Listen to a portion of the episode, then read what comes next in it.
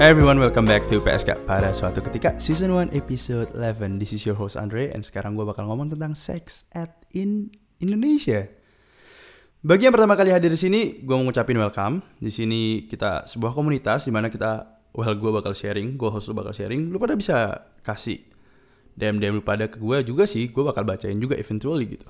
Lu bisa DM di PSK Podcast, lu bisa DM ke PSK Podcast, lu bisa DM ke PSK Podcast.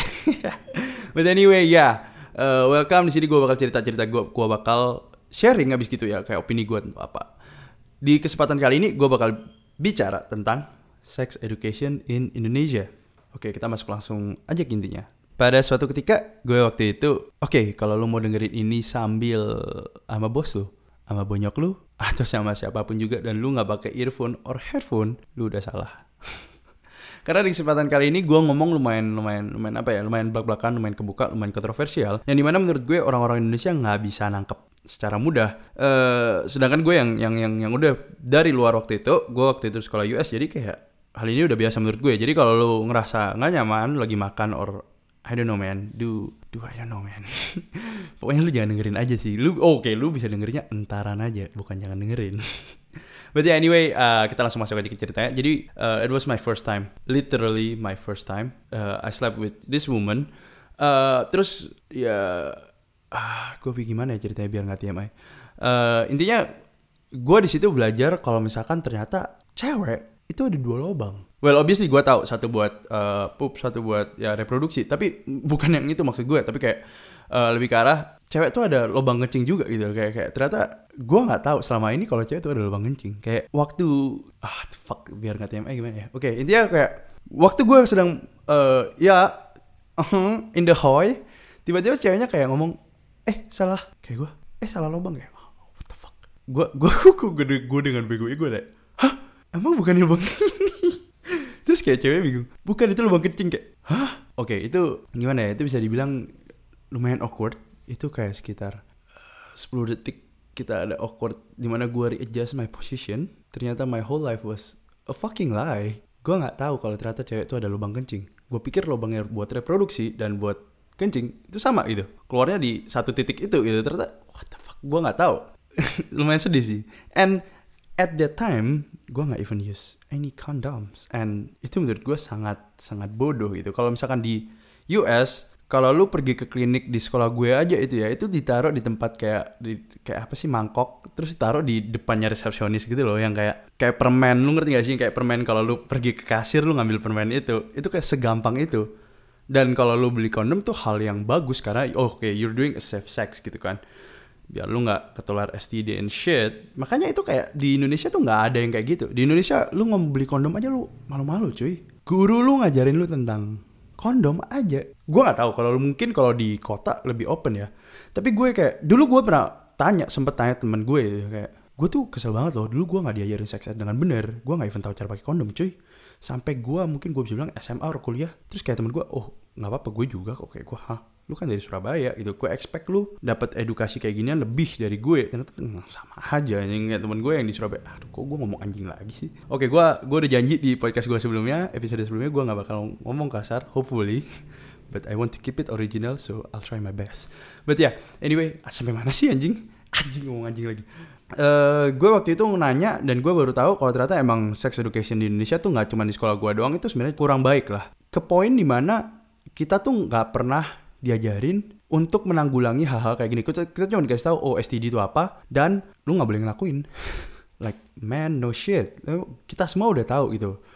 Di Indonesia semua orang percaya agama kan ya. Di semua agama diajarin oh lu nggak boleh have sex before marriage. Obviously kita tahu konsekuensinya gitu. Lu kasih konsekuensinya lagi apa? STD. Oke, okay, it's a bad thing like bad stuff STD. Wow STD gitu.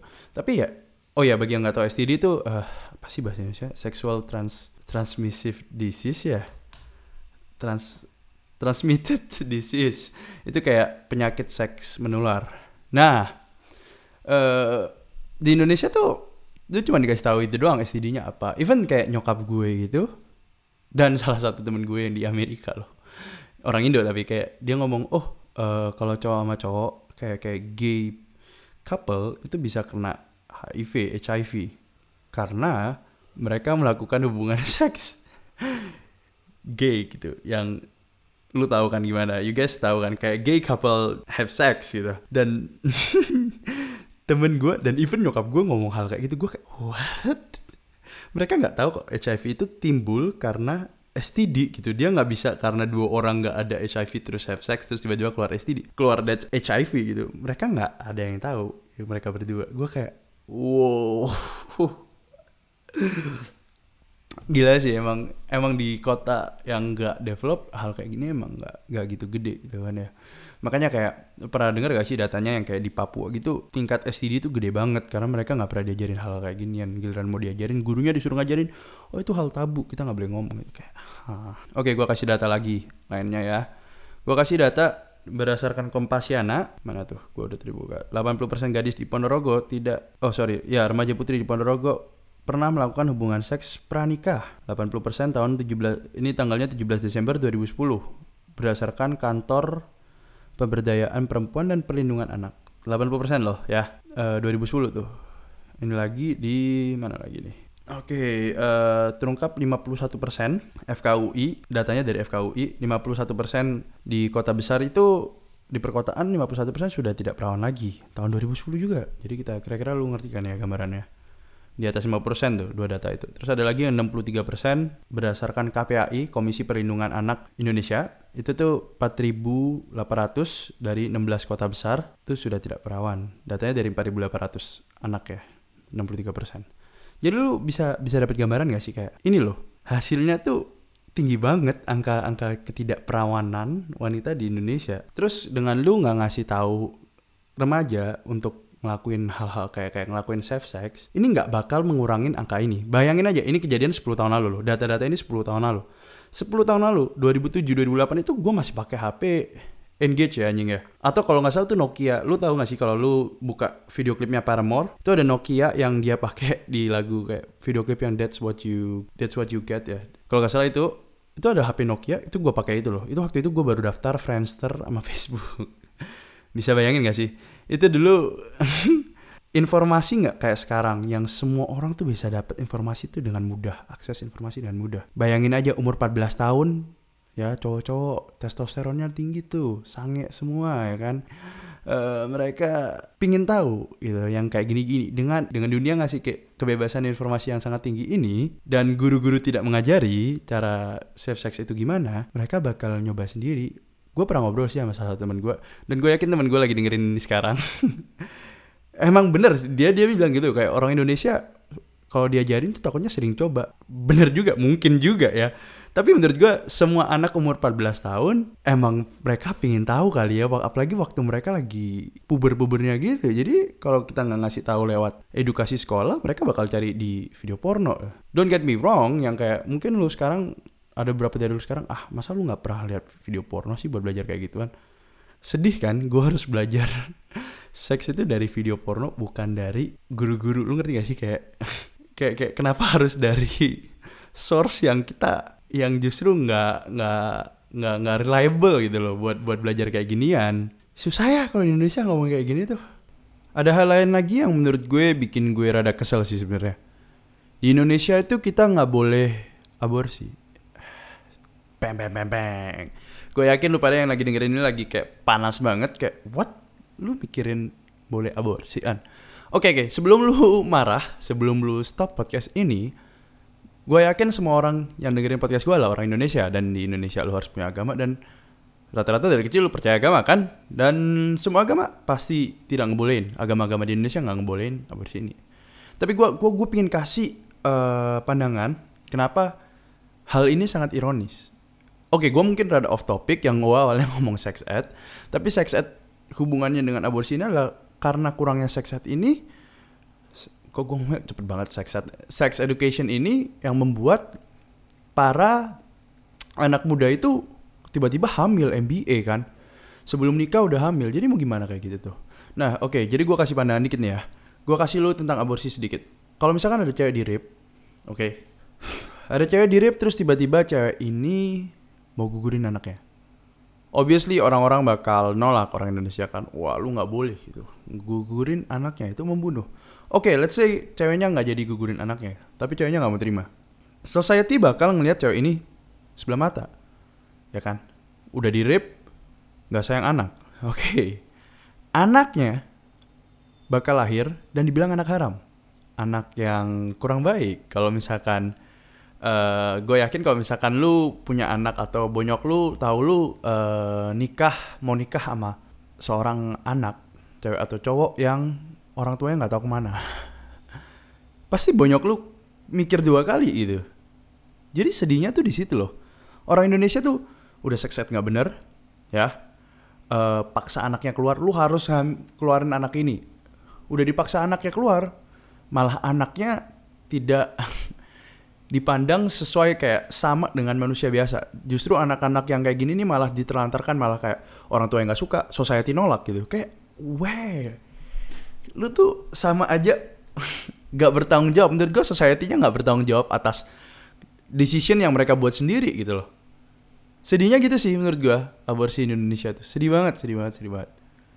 Ironi karena orang-orang yang menolak ini biasanya orang-orang yang sangat uh, religius kan ya untuk masalah gue sendiri percaya atau enggak aborsi itu adalah hal yang benar atau enggak in my opinion obviously uh, menurut gue sih ya everyone deserve a chance kan ya. Apalagi yang udah jadi apa sih fetus ya? Apa sih bahasa ilmiahnya? Uh, waktu udah jadi gitu ya di, kembali lagi ke decision awal. Menurut lu waktu baru berapa minggu itu apakah itu bayi atau enggak kan beda-beda kan definisi orang. Kalau di luar sih beda-beda. Kalau di definisi Indonesia sih semua orang pasti percaya. Waktu lu udah jadi namanya hamil sedikit pun beberapa minggu pun itu udah jadi anak lu. Jadi ya gue gak bisa ngomong apa-apa. Uh, but in my opinion semua deserve a chance. But then again, menurut gue yang harus berubah itu bukan uh, anaknya doang gitu dan act dari orang tuanya, tapi society di luar family itu juga harus mendukung anak-anak yang kayak gini. Misal ada anak MBA gitu kan ya, misal orang tuanya MBA anaknya dipaksa keluar lu nggak boleh gugurin in Indian oh itu anak bekas MBA digosipin ah tai lah Indonesia, Indonesia, Indonesia. Ya banyak orang munafik emang ya tempat ini. Well di mana pun ya, namanya orang pasti ada yang munafik juga, but ya society lah mau gimana lagi. Anyway, uh, aborsi pun sih meskipun kayak dilarang di Indonesia, sebenarnya masih banyak loh di desa-desa itu yang lu pada nggak tahu itu tuh banyak banget kayak dukun-dukun gitu mereka ngelakuin aborsi tanpa ada background medis sama sekali loh mereka. Itu bahaya banget. Bahayanya parah. Gue pernah dikasih tahu sama uh, orang-orang desa gitu kan ya. Kalau di kota mungkin udah nggak ada. Kalau di desa tuh mereka pasti percaya kayak gitu-gituan masih anaknya tuh yang anak ceweknya disuruh minum-minum ramuan yang nggak tahu isinya apa bisa aja isinya racun gitu loh. Terus udah gitu didoa-doain yang wah gua nggak ngerti deh. Menurut gue tuh gimana ya? Edukasinya mereka kurang sih ya. Jadi ah, susah mau kayak gitu. Kayak ada di Afrika itu seorang kepala suku dia tuh kalau misalkan anak di desa dia mau di suku dia tuh mau dewasa anak cewek mau jadi perem mau jadi apa sih wanita itu tuh harus tidur sama dia. Sadly ini cowok tuh HIV positif dan mereka nggak ada yang tahu tentang hal ini. Sedih sih emang. Di desa tuh sedih banget.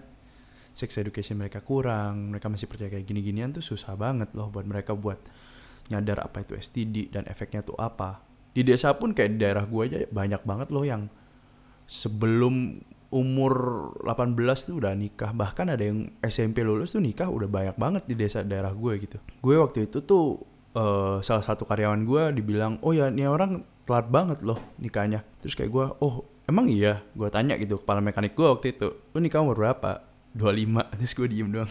Hah? 25 udah nikah? Emang biasanya umur berapa gila? Oh kalau di sini sih pak umur 20 itu udah nikah. Cowok lo gue kayak hah? 20 cepet banget emang udah ada kerjaan atau kayak apa gitu bisa ngidupin anaknya? Ya enggak sih pak. Nikah dulu aja. Ntar rezeki bisa lihat nanti. Wah repot lah kalau kayak gitu anjing. Jadi mau gimana lagi ya? Orang-orang desa emang susah sih ya diomongin mau gimana lagi? Di desa itu punya anak biasanya lebih banyak. Karena mereka percaya kalau anaknya sukses salah satu dari anaknya sukses itu oh bisa inget saudara-saudaranya. Jadi saudara-saudaranya bisa keangkat juga jujur aja anjing ini gue bisa masukin ke bagian kekeluargaan sih sebenarnya. Gue yakin yang sukses ntar nggak bakal inget yang lain jujur aja. Nggak lah Dai. tapi ya eh kalau di desa karena mereka berpikir kayak gini jadinya tuh nggak semaksimal mungkin. Jadi kayak duit bonyoknya itu nggak diutilize buat anak-anaknya ini biar misal kayak lu cuma punya anak instead of tujuh lu cuma punya anak dua tapi dua-duanya di sekolahin sampai kuliah gitu chance mereka buat dapat kerja bagus itu lebih tinggi. Ngerti gak sih maksud gue?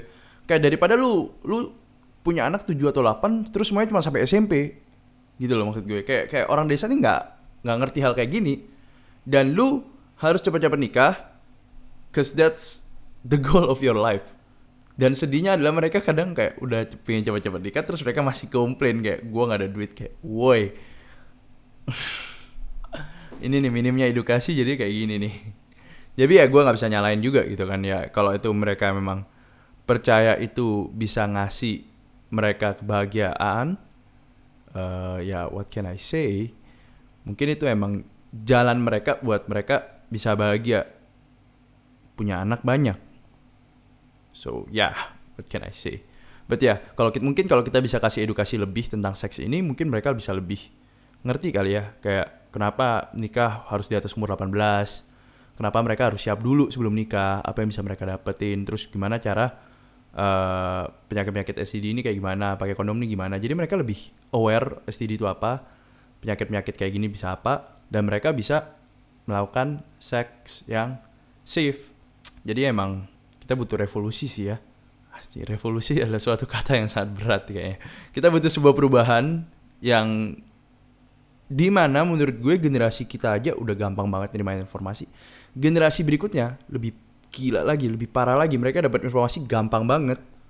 Terus kayak lu mau apa lu mau kasih edukasi ini ke film porno? Enggak kan? Jujur aja enggak. Apakah mungkin sebenarnya Johnny Sins adalah guru yang bagus buat generasi berikutnya Gila Johnny Sins gede banget sih sampai punya Sins TV gila. But yeah, anyway, aduh gila gue udah off topic banget nih dari tadi. But yeah, that's it guys. That's our podcast content for for today untuk kesempatan kali ini. Uh, kita langsung masuk aja ke bagian terakhir closingnya apa. Please kalau lu pada ada yang nggak terima sama kayak any of my opinions kirim gue DM ke PSK Podcast kirim gue DM ke PSK Podcast kirim gue DM ke PSK Podcast. Ya kita langsung lanjut aja ke segmen berikutnya. Siap. Jadi untuk minggu ini gue nggak gitu dapat baik DM gue dapat DM dari uh, dua orang. Well tiga orang actually. Yang pertama dari uh, Vanessa Rarjo oke. Okay. gue lupa dia ngomong apa tapi yang pasti dia ngomong uh, dia rekomend podcast gue di storynya. Thank you banget Vanessa. Uh, who else? Oh ya yeah, and also Jos Bahari. Who Jos Bahari siapa sih? Josephine Bahari. Oke okay, thank you banget Josephine Bahari. Udah kirim gue. Well actually dia post something. My favorite podcast. Oh wow. Thanks a lot and also Evelyn Loom. Cool stuff. Just binge your podcast down to episode 5 today. Hahaha, ditunggu episode berikutnya. Alright, thanks Evelyn. Uh, gua thank you banget udah dengerin podcast gue sampai episode kelima. Jujur aja, gue flattered banget. Uh, so that's it. That's the DM for this week, and also Merry Christmas everyone. Ini gue ambil di Sunday night, cause on 25th gue harus pergi uh, ngerayain Christmas. Jadi ya, yeah, I'll see you guys uh, next week. And yeah, Merry Christmas everyone, Happy Holidays, and see ya.